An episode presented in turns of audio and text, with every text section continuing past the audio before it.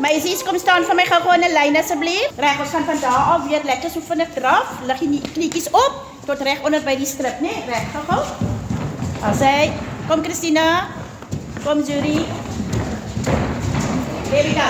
Right, you can go. Lavina, jy's nou 62. Ons staan nou hier waar jy gimnastiek afrig aan jonges. Jy het nog steeds 'n passie ten spyte van kronkels op jou pad. Maar ek wil daar begin om vir jou te vra selfs na jou kankerhuis. As jy terug want jy wil die kinders help. 'n Gesondheid speel 'n baie belangrike rol as jy met jou liggaam werk.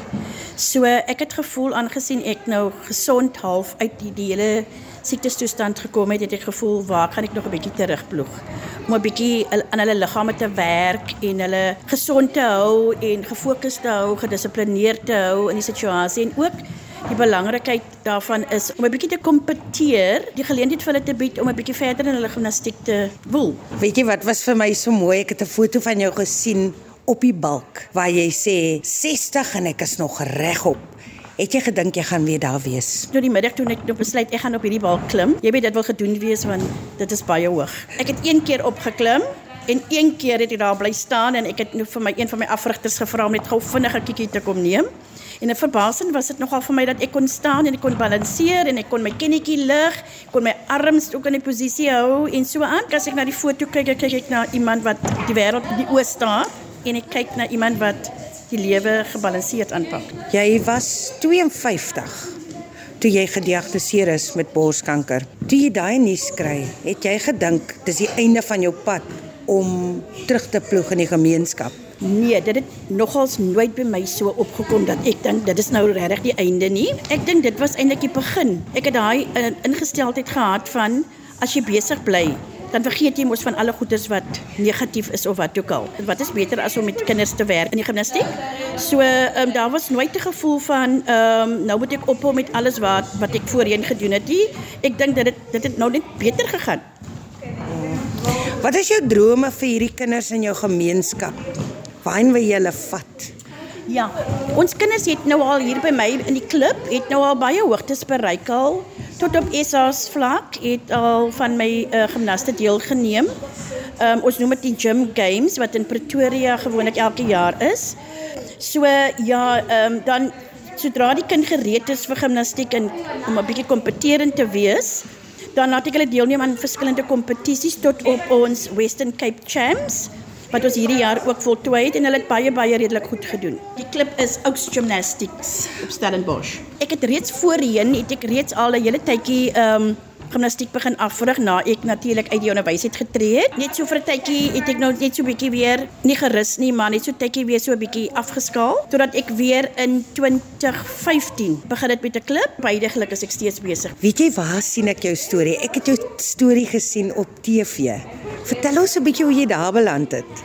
Ja, jy weet een middag het ek 'n boodskap gekry en die dame het vir my gevra, hulle nooi my uit om deel te hê aan Herman en die ladies se program. En ek was baie opgewonde daaroor want dit moes nou iets wat ek nou natuurlik moes nou nie verwag het nie. Totdat ek nou uh, Woensdag die kassie verskyn het. Uh, ja. Wat 'n groot ervaring en 'n groot uitdaging was dit nie. Aan die begin toe ek gediagnoseer was en die diagnose aan my verduidelik was, het ek onmiddellik sommer oopgemaak met sommer met almal. Jy weet as ek iemand net kon gekry het waar dit was uit buite die spreekkamer of waar kan hulle gesê het, "Wow, ek het op pad om te stap." So ek het net besluit ek hou dit nie terug nie. Dis nie iets wat ek kan terughou nie. Dis nie iets wat ek voor gevra het nie. Dis iets wat ek voel. Die Here het op my pad gesit met 'n doel.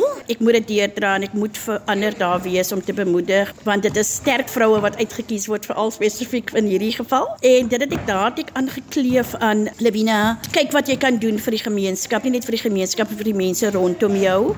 En wees daar om vir mense dit makliker te maak al gaan jy deur die lyding. En vandag staan ek terug en sê die lyding en die die pyn en die ongemak was eintlik die moeite werd. Wat is jou drome vir jouself, vir jou klub, vir die kinders wat jy afrig? Ek ek het myself beloof.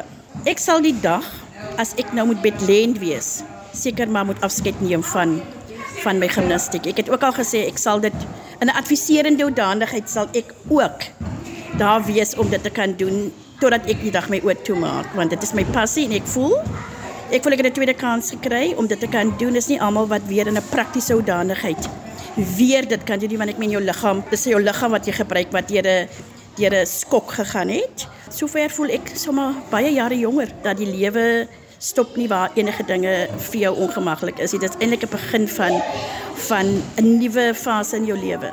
Nou gesels ek met Benice Pool oor haar gimnastiekdrome, gimnastiekreis en ook dat sy onlangs in Amsterdam was by die Wêreldgimnastrada 2023. Amsterdam. Maar voordat ek kom by Amsterdam, Benies, vertel my gou, jy het self gimnastiek gedoen as kind. Hoe oud was jy? Ek was 10 toe ek begin het. Ek het eintlik baie laat begin. Ek het baie vinnig in 'n baie kort tyd Springbok bereik, net tot junior Springbok gekom. Letterlik 5 jaar en toe is my loopbaan kom tot 'n einde. Die sport was baie anders. Dit was baie baie competitive tussen die gimnaste, tussen klubs, tussen afrigters. Die Suid-Afrikaanse afrigters het daai te probeer om soos die Russiese afrigters te wees. Die eetplanne moet uitgewerk word. Ek kan nie deelneem aan enige ander sport behalwe gimnastiek nie. As jy gimnastiek doen op daai level, moet jy net gimnastiek doen. Jou lewe kom tot 'n stilstand by gimnastiek en that's about it. Sou jy dinge anders wou hê nou dat jy in jou 40's is?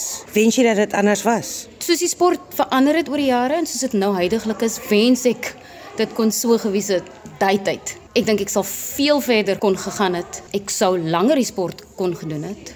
Wou gedoen het. Ek sou dit meer waardeer het en meer uh, geniet het. Wanneer jy sien dat 'n kind besonder goed is en dit neem jou terug na daai tyd, is dit half asof jy jou drome in 'n manier of op 'n manier deur die kinders uitleef.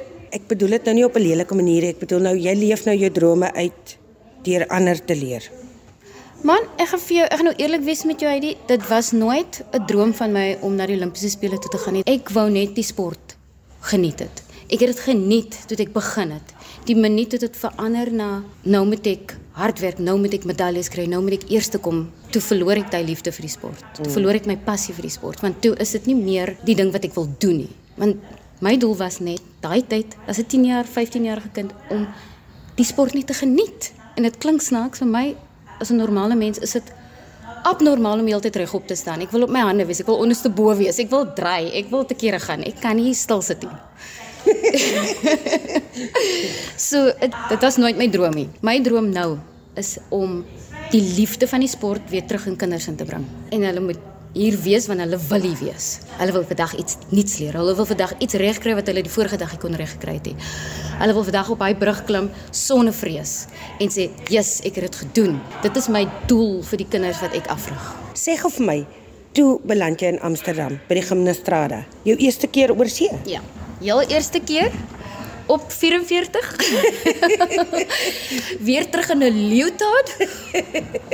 Sjoe, dit was um ja, dit was 'n ervaring. Ek het nie gedink 'n jaar terug ek sou vandag daar gewees het nie. Ek um dit was nie my plan nie.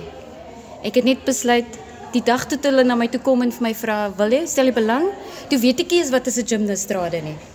Dis ek okay fyn, kom ons doen dit. En ek het nie gedink ek het daai performe in my nie, want gimnastiek daai tyd vir ons was baie. Jy sny almal af en alles af. Jy konsentreer op daai apparaat wat voor jou is, wat jy moet doen om daai goud te kry. Is is is 'n sport wat vir jou baie alleen laat voel het. Dit was kompetisie van die minuut jy instap by daai deur om te oefen tot die minuut wat jy uitstap. By die gimnastrade was dit heeltemal anders. Dit was nie 'n kompetisie nie.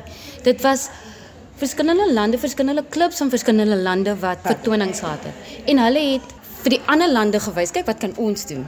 Nie op 'n op 'n manier om vir hulle te wys ons is beter as julle nie. En wat vir my regtig gegryp het, was die feit dat almal is lief vir die sport. Daar was 'n 'n tannie in ons groep wat dink sy was in haar 60s of 70s amper jaar oud was. En sy was daar. Daar was 'n groep, ek kan nie onthou van watter land nie, maar hulle was stokoud.